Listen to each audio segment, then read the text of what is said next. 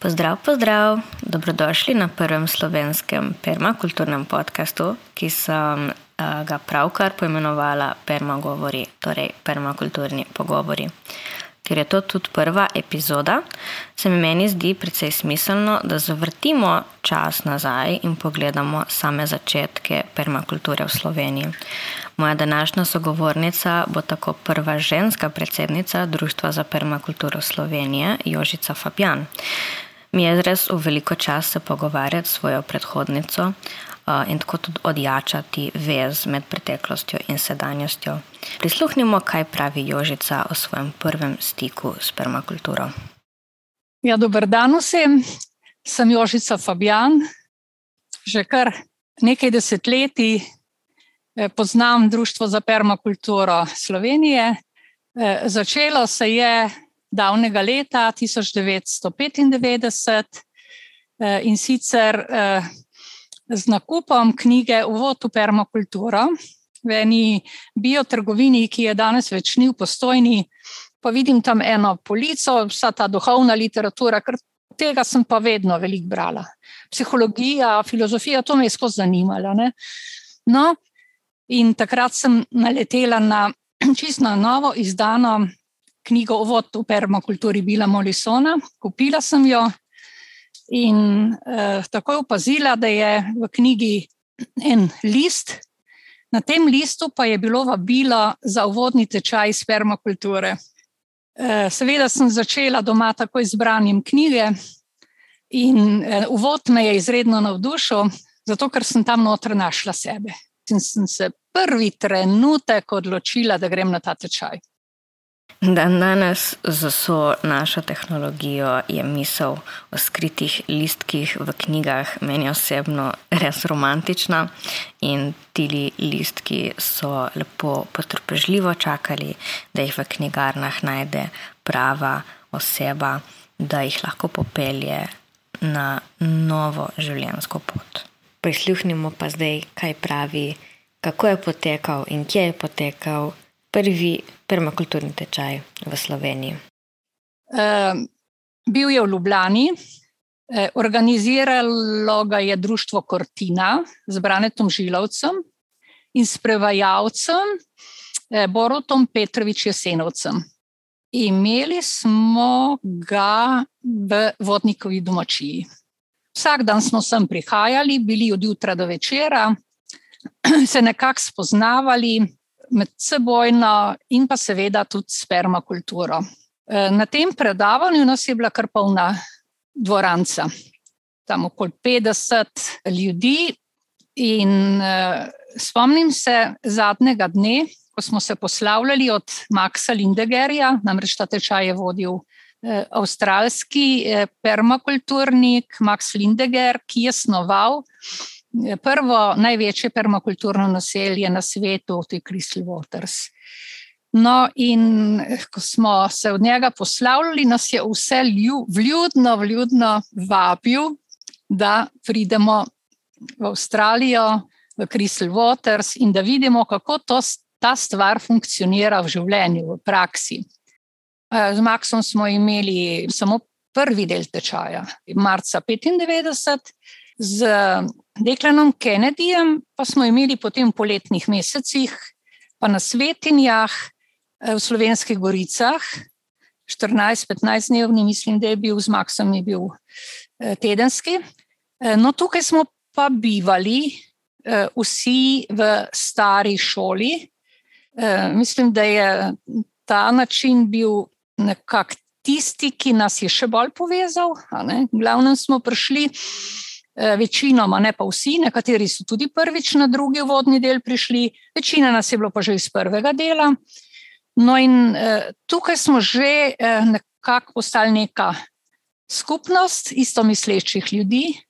Jaz bi rekla, da mi je najlepše bilo, ko se je zjutraj oglasil zvonc, ko smo hitro ostali s postelj in sklenili krok na dvorišču zunaj in zaplesali jutranji ples ob glasbi. To nas je nekje verjetno nekje najbolj povezovalo, da je bila glasba tista z deklanom, to je meni deklen tak čudovit. predavatelj, ker je znal ne samo eno stvar, ampak res permakulturo kot eno celovitost pokazati, eno osmisljenost življenja, ker je lahko veliko lepega ki se lahko to na različne načine izraža, in ker je vsaka, vsak nov korak zaželen, pa nekje dob v smislu dobrega za vse in vsakogar. Ne. To sem na tem tečaju najbolj občutila. Ne. Veliko smo imeli družabnosti, uh, jaz še danes družabnost rabim, vedno imam rada in na tem tečaju je bilo tega zelo veliko. Ne. In ko se je ta tečaj bližal k koncu, takrat nas je Max nekako hotel že formirati kot neko skupino permakulturnikov, in nam je tudi takrat rekel, da naj pač ustanovimo društvo in začnemo delovati. To eh, je eh, zaupal Utili Grad Brle, da ona nekako to eh, skupaj spravi. No, in resnično, ko je bilo tečaja konec, mi smo se začeli kar med, med seboj družiti. Imeli smo prva srečanja, to je bilo na naši kmetiji v Seču na Kočevskem. No, in potem smo se kar nekako dobivali kar pogosto dobivali in seveda že začeli zbirati vso dokumentacijo za ustanovitev društva. Zelo zapleteno je bilo takrat. Takrat se je zakonodaja ravno menjavala in ni bilo še dorečeno, kako se naj društva formirajo, oziroma sploh kako naj ta statut napišemo. Eh, vendar smo se pač v to eh, usmerili. Eh, tukaj je zelo velik delal, žal pokojni, Tomaš Petaver. On je bil v Ljubljani doma, sedež društva naj bi tudi bilo v Ljubljani. No, potem smo naredili že takoj takrat ja, tudi ustanovni občni zbor. Ga, imeli smo ga v, biotehnički fakulteti, smer gozdarstvo. No, in eh, na tem srečanju, ustanovnem srečanju društva, ker potem smo pač to izvedli, celo proceduro, volitev tudi, ta list, to listo je prej že pripravila Otilija, se je z vsakim pogovorila, mene je dala za blagajničarko. Eh, eh, Daniela Čalasan je taka pridna punca bila, ne, je rekla, ona bo dobra tajnica, ker tukaj je ogromno dela lahko. Ne. No, za predsednika smo pa izvolili Janeza Božiča. Tako da prvi predsednik je bil Janez. E, no, potem so bili pa še ti odbori, ne, jaz teh imen več zdaj ne vem. V glavnem, mi smo takoj potem začeli tudi s predavanji. Največ prvih predavanj je imel Janez Božičev, jaz sem ga okol vozila, povsod, povsod, vse instrumentarij sem tudi imela na srečo prek naše firme doma. Da e, smo, seveda, takrat smo še imeli eh, diaprojektorje, dija se. Bilo je še, bi rekla, kar tako. Ampak za tisti čas to primerno in udeležba na eh, srečanjih je bila kar velika. Tako, tole so bili taki začetki ne, do ustanovitve društva, ampak mi smo šli to s hitrim tempom. Takoj eh, po uvodnem tečaju, ne, naslednje leto, eh, smo potem imeli že predavanja, v glavnem s tujimi predavatelji. Za deklanom smo uh, imeli um, čudovit tečaj, je pa potekal v Ljubljani in pa na terenu. To smo tudi šli. Živali v permakulturi, eh, to predavanje je bilo pa z Petrom Brketom. To je bilo nekaj tako lepega, enkratno, tako da smo se mi takrat tudi z njim potem odločili, da bo še vodil tečaj za nazive, ker nekateri smo vse čas uh, bili ne, uh, na vseh teh tečajih. In je tudi eh, Peter rekel, da pač prvi čas je, da postanete bolj samostojni, da imate, se imate sami predavanje, ampak da še tem uradnim nazivom tudi nekako uh, pridemo do tega. Ne. No, je bilo pa tako, ne, da uh, takoj po potem, jaz sem šla 96. leta v Avstralijo, 95. je bilo predavanja, ne, so bila ta predavanja, delavnice. 96. je bila Avstralija, 97. smo pa imeli že četrto permakulturno konvergenco v Evropi. Zaradi tega močnega delovanja ne, eh, smo eh, tukaj, je bil takrat predsednik eh, tega gibanja iz Danske, Tony Andersen. Tony Andersen je bil. Ja. Zanimivo in res, res lepo, da so vsi ti tuji permakulturniki spodbujali in negovali slovensko permakulturno skupnost, da se je lepo razvijala in širila, in že takrat uh, čutili potrebo po povezovanju in medsebojni pomoči. Kot je Jožica omenila, je Evropski permakulturni koordinator jim zaupal četrto Evropsko konvergenco, kar je pomenilo ogromno dela za takratno slovensko permakulturno skupnost, saj so morali najti primeren prostor. In takrat so izbrali kmetijo Braneta Frlica in jo preko več mesecev prenovili in uredili, da je imela vse potrebne prostore za gostitev večje skupine tujih permakulturnikov. In zadevo so res lepo speljali z zelo bogatim kulturnim programom. Torej, društvo se je lepo razvijalo, začetna skupnost se je oblikovala, a permakultura se vedno širi in razvija. Zato me je zanimalo, kako so prišli v stik z novo generacijo permakulturnikov. Ja, in tako, to uvodni tečaj je bil za nami. E, ljudje so se zanimali za permakulturo, bilo je nekaj novega. Glavno smo e, nekaj pitirali na e, knjižnice, knjižnice so eh, tiste ustanove, še danes, tudi v domačem kraju, zelo veliko s našo knjižnico sodelujem in imamo veliko raznih, raznih takih predavanj. Ne. No, in tudi, seveda, eh, druge knjižnice v Sloveniji imajo te programe, ker vključujejo različne smeri. Eh, izobraževanja, delovanja, in tako naprej. Naši člani so bili iz vseh starosti, vseh poklicnih struktur, Ampak tako bi rekla, večina eh, mlajši ljudje, ne, veliko je bilo študentov, tako kot je še verjetno vse čas, eh, ker to so nove, novi trendi, nove stvari. Tako da ni čudno, da se ljudje tako zanimajo, tudi še danes, za permakulturo. Ne. In danes v Sloveniji beseda permakultura ni več popolna tujka. Ne. Je že nekaj, kar je udomačilo se. Takrat je permakultura bila res nekaj novega v slovenskem prostoru. Sam čar permakulture je ravno v tem, da je drugačna od ustaljenih načinov in pogledov družbe. Mislim, da zaradi tega nas je tudi večina prišla v stik in začela se ukvarjati s permakulturo. Tako da me zanima, kako je takrat slovenska družba se odzivala na to novost in drugačnost permakulture me kdo kdaj vprašal, pa kam pa kar naprej neki hodiš, pa kol te ni doma, pa ono pa drugo. Sem pa rekla, ukvarjam se s permakulturo. O, so me začeli siliti, a se s permakulturo. Ne? Ne, ljudje hitro obrnejo.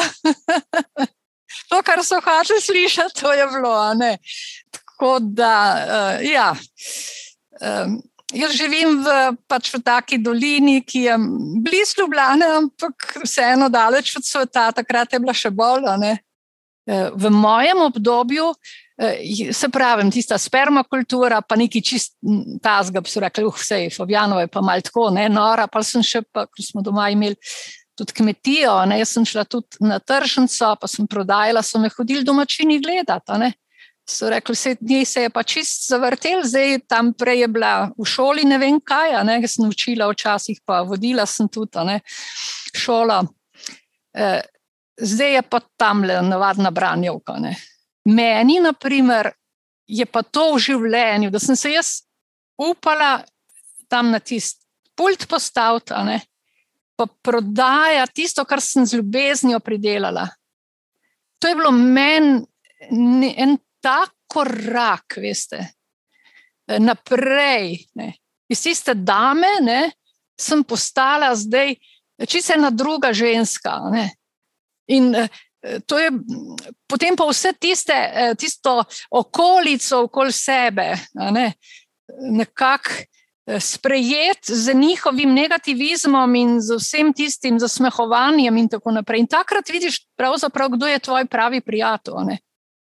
Danes ne več. Danes, Eh, danes, ko prive rastejo v tej moji okolici, skoraj na vsakem vrtu. Včasih sem bila pa zasmehovana. Ne? Celo časopisu so enkrat v Belenskem listu z velikim črkam napisali: Na vrtu Jožice Fabijan pa rastejo ko prive. S primožem krišljem eh, na tržnici v Ljubljani, ko prive prodajala, pa je prišla mim. Svetlana Makarovičeva je tako začela upiti, pa krišati. Poglejte, ko prive, vsa tržnica je bila po koncu, kaj je. Zato, ker je na najni stojnici videla, ko prive. Nas je to nič novega. Ampak takrat so se določeni tabuji začeli podirati. Eh, ampak eh, taki, take branjevke, pa branjevci, kot smo bili permakulturniki takrat, smo bili dobrodošli, smo bili največja reklama za eh, to, da dajemo nove smernice, kako preživeti. To so tako zanimive zgodbe, tega je bilo zelo veliko. Velik. Na začetku je omenila, da jih je Max lepo povabil v Avstralijo, da ga obiščajo v njegovi ekovasi v Avstraliji, torej Crystal Waters. In uh, Jožica je dejansko šla, pa da mu poslušati, kaj je o tem povedala. V sanjah si nisem predstavljala, da bi jaz kdaj v to državo prišla, ker se mi je zdela, veste, da se to težko mi reči, mogoče celo malo hecno zgleda, ker je življenje popolnoma drugačno. Ampak meni je bila še leta 95 Avstralija, skoraj Indija, koromandija. veste, ko sem šla v Avstralijo, se je marsikdo križal, jaz nisem niti angliščine dobro znala. Pa sem šla. Deklar je enkrat rekel na tečaju, to mi je potem uh, Borut rekel, ja, prav vedva z deklanom se pa zelo razumeta. Ne? Jo, sem rekla, vse, ne, siguren. Ja, prav ne vem, kaj je, ne, tako malo se hecno. Prav veš, kaj mi je rekel, jožice ne smete zgubiti. Še meni je bilo takrat malo čudno, sem rekla, kaj pa to zdaj, to je ena taka m, tiha pohvala mogoče. Bila prav, pa veš, kaj je še rekel. Ne zna tako dobro angliščine, razume pa čisto vse. Ampak ta Indija, koromandija se je zelo hitro meni uresničila. Ko me je enkrat Otilija, grad Brle, še starejša od mene, deset let, povabila, prav, kaj pa če bi medve to šle. No, in tako smo se z Otilijo odpravili na pot same, polne naznank, sva pa združili to srečanje, to bivanje v Crystal Watersu, svetovno permakulturno konferenco, ki je bila v Pertu. E, tako da sva skoraj malo manj kot tri mesece preživeli v Avstraliji. Ko smo se prijavljali, Eh, na, eh, ker to se je treba prijaviti. Medve smo to prek Maxa vse izvedle, za eh, to, da smo dobile tudi bivališče. Bivale smo v Maxovi hišici, Kevin, tako lesena je bila, smo jo imenovali. Je bilo tudi vprašanje, zakaj sem se odločila, da grem zdaj. Eno anketo smo morali izpolniti. Kaj me najbolj zanima? Ne?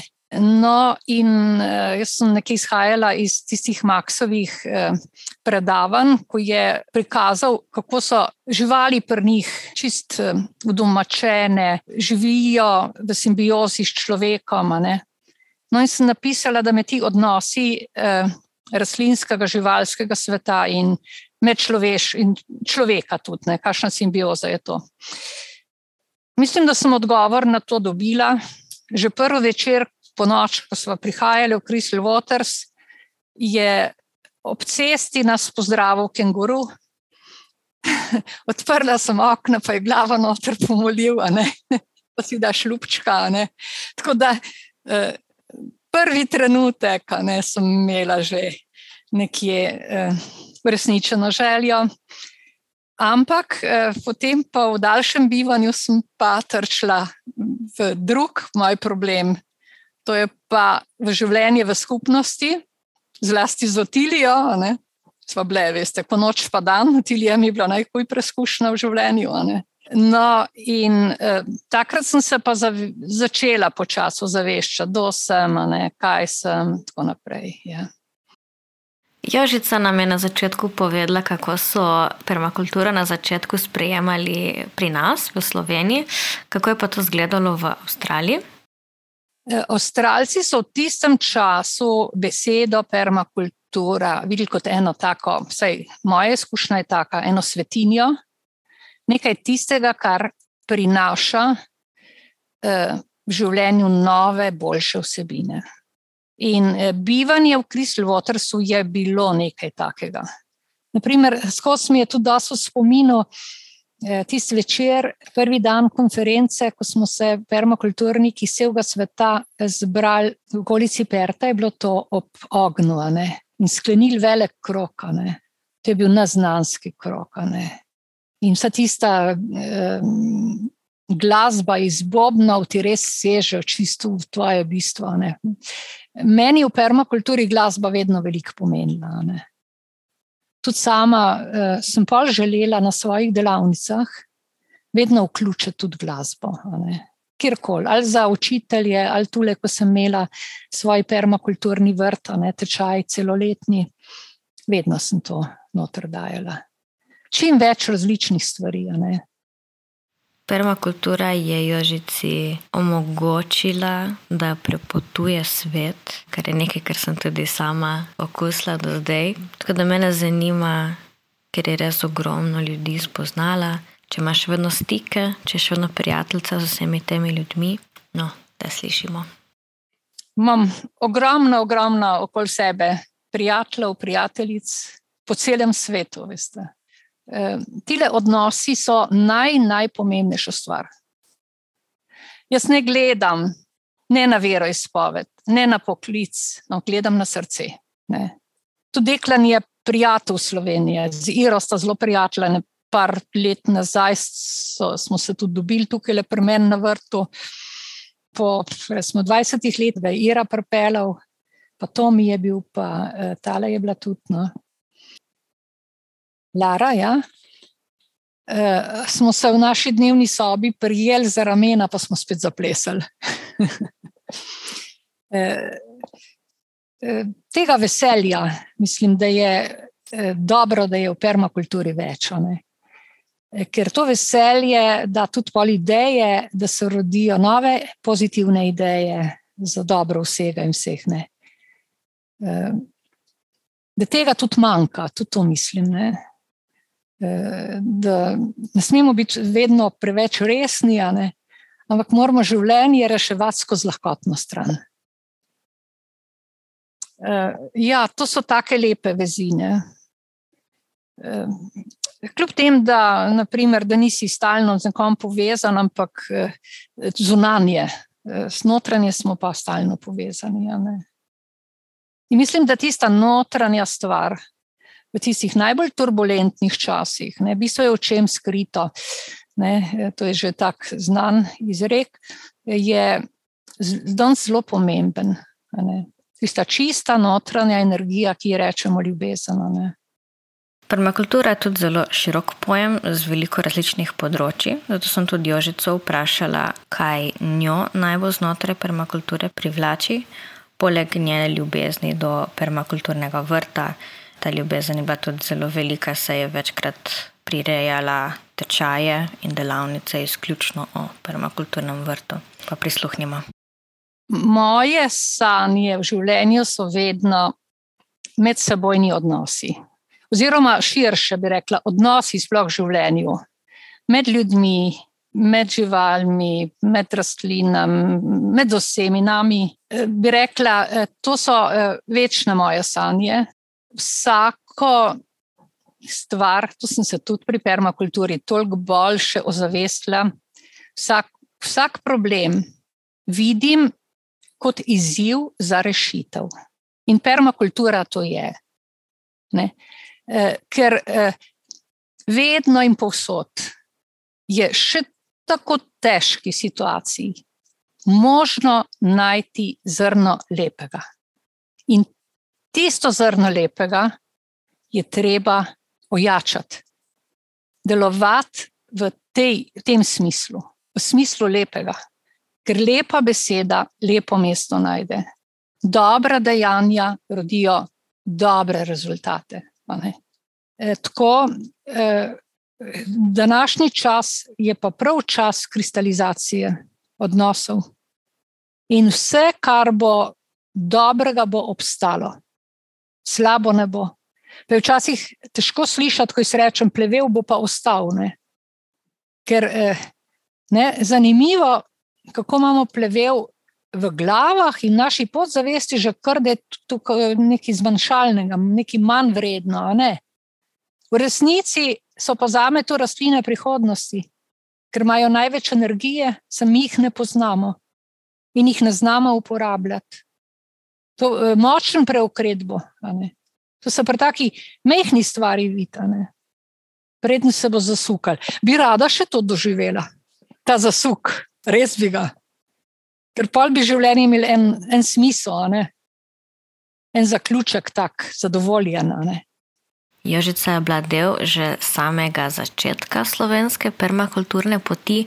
Kaj pa si Jožica misli glede prihodnosti slovenske permakulture? Kam se more slovenska permakultura obrniti? Kje se more razvijati naprej? Mogoče se je slovenska permakultura res, kar je tudi prav, ampak ne sme ustrajati preveč na tem, ne more eh, društvo kot eh, nosilec nekega razvoja eh, nadaljevati. Mal širše, mal naprej še od uh, vrtov. Ker marsikdo misli, da je permakultura, če imaš zdaj tam vrt. In to sploh ni res. To je stil življenja. Moja prava permakultura se je začela pri ločevanju odpadkov v, bistvu, v gospodinstvu in potem ustvarjanje komposta, reciklaža in tako naprej, kar sem lahko sama, drugo daš naprej drugim, ki jim to zaupaš. E, tako da, e, da ne bi preveč sam ta vrt bil. Zdaj, ko se pogovarjava, pa razmišljava, ne, da je res vizija v tem času permakulture, e, res odnosi med nami. Se mi zdi, da prav v današnjem času je tudi izziv permakulture eh, v tem smislu najbolj, da se čim več pozitivnih rešitev najde, trajnostnih, seveda, trajnostnih, ne enodnevnic. Ne stremeti za tistim, eh, kot je današnji svet, veliko krat, ne, da si popularen, pa tako naprej. Ampak eh, z nekim delom, z nekim, neko ljubeznijo, ker čez vse to vlada ljubezen. Veste, tam, ko človeka srce vleče, tam je naše mesto in srce je treba poslušati. In jaz sem to naredila.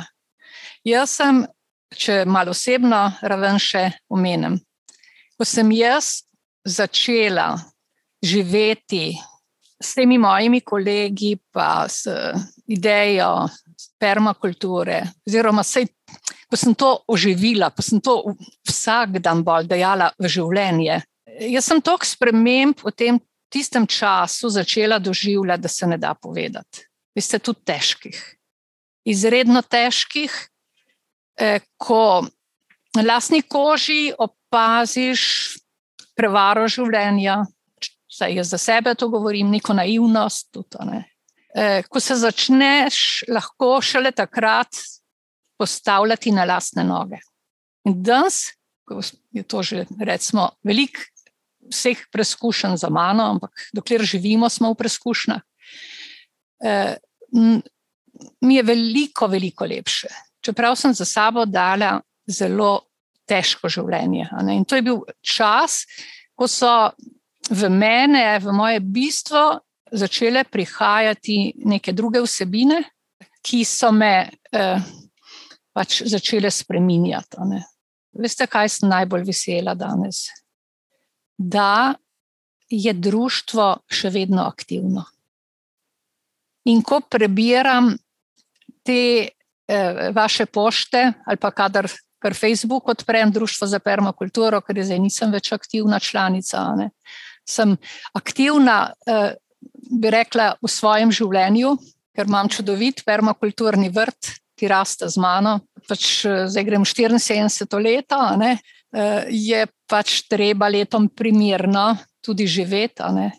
Pa sem ponosna, da sem del te zgodbe tudi jaz. In ponosna, da društvo funkcionira, da se razvija naprej in samo dobro želim še. Tako. Pa smo prišli do konca. Hvala, da ste poslušali današnji permagovor in se slišimo naslednjič. Z vami sem bila Melani Vuga. Hvala, srečno, srečno. Če imaš še kdaj. Ja, tako, velja. Čau, čau. Hvala, čau, čau. čau.